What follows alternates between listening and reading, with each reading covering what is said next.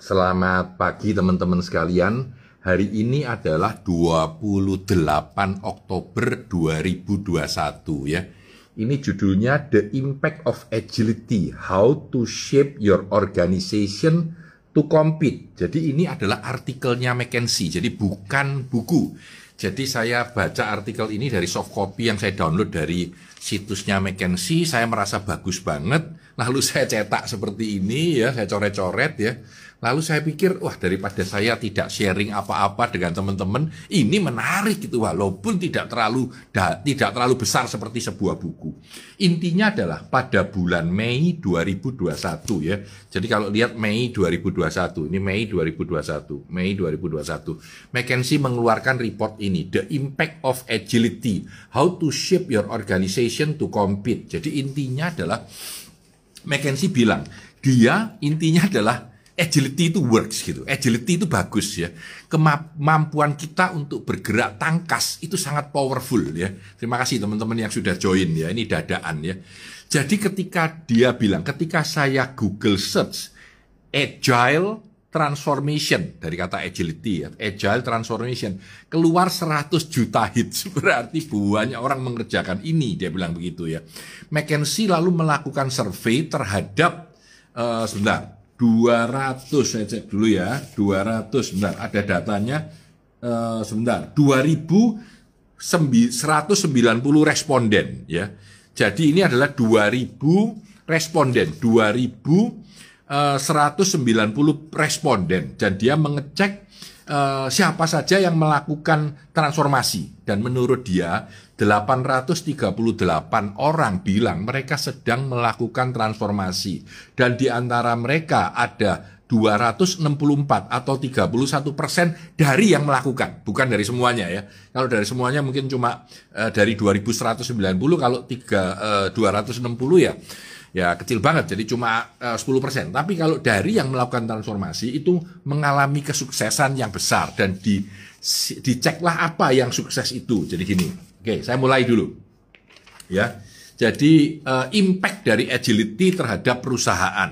Impact dari bagaimana kita bergerak cepat dan tangkas. Ini yang paling penting. Agility results in a step change in performance and makes it possible to overtake board agile uh, organization. 30% gains in efficiency, customer satisfaction, employee engagement, and operational performance. Made the organization 5 to 10 times faster and turbocharge innovation. Jadi, mereka yang sukses di dalam melakukan agile transformation atau agility itu mempunyai kesuksesan yang luar biasa di dalam banyak elemen. Itu dulu, itu dulu ya. Jadi uh, lalu dia membagi sebenarnya uh, dari 2190 ini ini ini lebih gampang dibaca ya. Cuma uh, agak butuh energi untuk membaca pelan-pelan ya. Jadi dari 2190 dia bilang ya yang melakukan transformation sekarang itu ada 44 persen, 44 persen, ya. Jadi itu yang melakukan dalam persentase, ya. Lalu yang sudah born agile, born agile itu company yang lahirnya sudah sudah agile, gitu. jadi biasanya software company, digital company itu lahirnya sudah agile. Itu ada 11, 12 eh, persen, ya. Ternyata company yang mentransformasi diri supaya agile, padahal asalnya pelan, itu bisa berubah menjadi powerful banget kalau mereka melakukan dengan benar. Itu kuncinya. Kalau mereka melakukan dengan benar. Jadi done right, agility enables a step change in performance, membuat perubahan yang sangat signifikan di dalam performance dan membuat Anda melebihi kompetitor. Ini hasilnya. Ini hasilnya. Ya, ini hasilnya ya.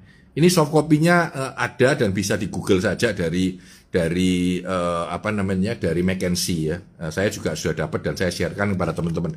Dia bilang bahwa yang melakukan dengan benar customer eccentricity-nya naik 30%, operational performance-nya naik 30%, speed-nya naik 5 sampai 10 kali lipat, inovasinya jadi number one di antara grupnya, employee engagement naik 30%, efisiensi secara total naik 30%. Ini Intinya dampak dari agility itu luar biasa bagusnya kalau kita bisa melakukan agility itu dengan benar gitu ya.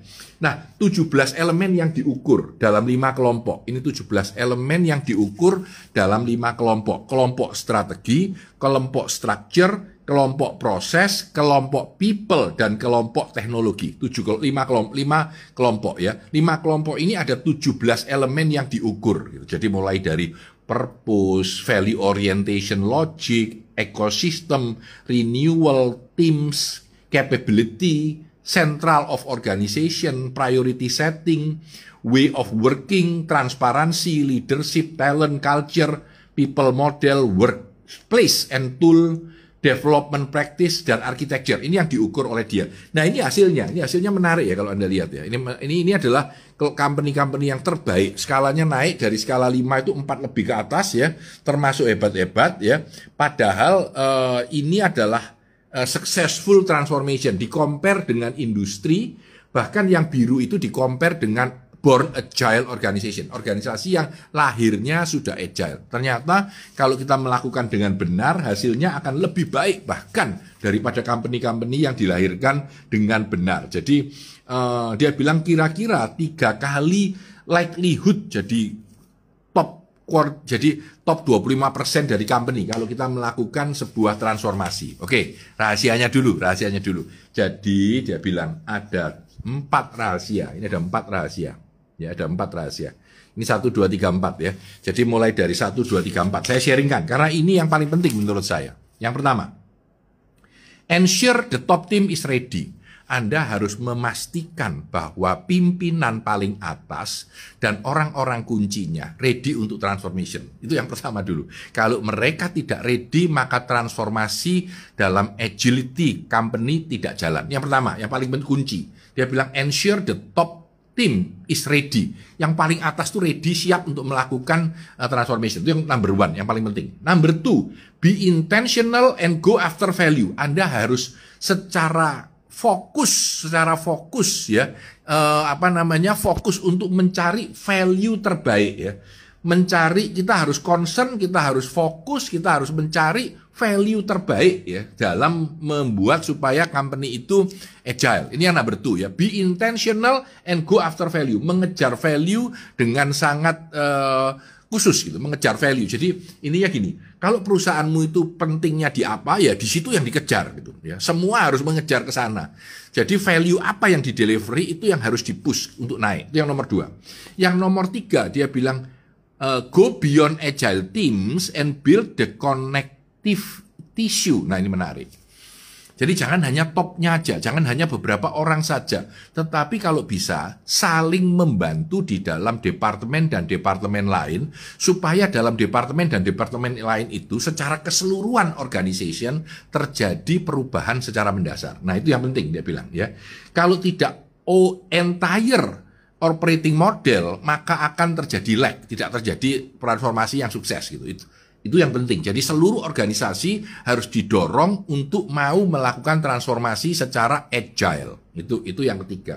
Dan yang keempat, yang keempat ini menarik banget. Dia bilang maintain high speed and use of front runner.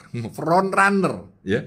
To boost 20%. Jadi kalau Anda front runner, front runner itu orang terdepan. Jadi harus punya garda depan yang bergerak gitu. Jadi kalau Anda misalkan satu organisasi isinya katakanlah e, eh, 500 orang gitu ya, harus ada entah itu 100 orang, entah itu 50 orang, entah itu 10% orang untuk bergerak melakukan transformasi itu di depan dan orang-orang ini yang terlihat dan melakukan transformasi di depan dan membantu teman-temannya untuk ikut transformasi. Saya ulangi.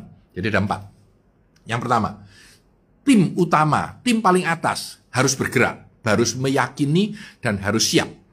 Yang kedua, kita harus mengejar value, nilai apa yang dikejar dari perusahaan kita. Itu yang penting. Jadi justru mengejar value, itu nomor dua. Nomor tiga, go beyond agile team. Jadi buatlah connective tissue. Seluruh organisasi harus ter, tersambung bahwa mereka siap untuk agile. Dan yang keempat, harus ada orang-orang kunci yang menjadi change agent atau agile transformation agent yang bergerak. Nah, ini yang yang dianggap penting sekali gitu. Nah, Ada catatan tambahan yang menurut saya menarik dari salah satu contoh company yang melakukan agile team. Jadi ini ini ini ini saya tulis saya coret-coret ya. Saya tulis judulnya Solve Scary Stuff. Kita harus berani menyelesaikan hal-hal yang dianggap menakutkan. Jadi contoh yang pertama dari manajer kedua gitu. Jadi uh, sebagai manajer dia harus bergerak menjadi pelaksana. Intinya medelayering. Jadi kalau bisa organisasi itu enam langkah dari ujung sampai ujung dipepetkan jadi tiga atau empat gitu. Itu itu satu dia bilang. Yang menakutkan karena ini merubah struktur ini kan berbahaya. Gitu. Yang nomor dua, gain new capability. Carilah kemampuan baru karena dengan zaman baru kita harus punya kemampuan baru. Apakah itu melalui Eh, coaching, apakah itu melalui training, apakah itu melalui outsourcing, kita butuh punya capability baru dalam menghadapi zaman baru. Itu yang nomor dua. Yang nomor tiga, new people model. Jadi mencari model karyawan yang baru dengan cetak biru yang baru. Cara menghadapi keadaan yang baru. New people model. Yang ketiga. Yang keempat, uh, let go of control. Jadi lepaslah illusion of control. Jadi jangan terlalu uh, sentralisasi lagi. Itu itu itu menarik ya. Jadi kita harus melepas mendesentralisasi company-company kita. Dan yang terakhir nomor lima uh, impact on us. What is our model? What do we need to learn? What must be unlearned? Kita, terutama pimpinan-pimpinan, harus sadar apa yang perlu dipelajari, apa yang perlu dilepas, karena zaman yang berubah. Mungkin ilmu baru sudah tidak seperti dulu lagi ya. Jadi kita e, harus memahami itu. Ini kira-kira tipsnya ya. Dia bilang bahwa front runner, front runner itu orang yang di depan, are not pilots, bukan orang yang mengawali saja, tetapi dibuat secara intensional supaya mereka punya effort tinggi untuk membuat supaya operation model yang baru itu berjalan. Jadi ini ini akan agak dalam ya pemahamannya. Tapi intinya kita harus melakukan uh, agility. Jadi ini asalnya artikel dari McKinsey ya uh, Mei bulan Mei 2021 yang dia bilang bahwa impact dari agility atau ketangkasan atau kecepatan bergerak itu sangat luar biasa untuk perusahaan bisa berkompet di masa yang akan datang. Uh, sekali lagi tanggal 28 Oktober 2021 ini adalah review artikel atau menjelaskan sedikit tentang artikel dari McKinsey uh, buat teman-teman sekalian. Semoga bermanfaat. Saya Tanah Disantoso, sukses selalu untuk Anda.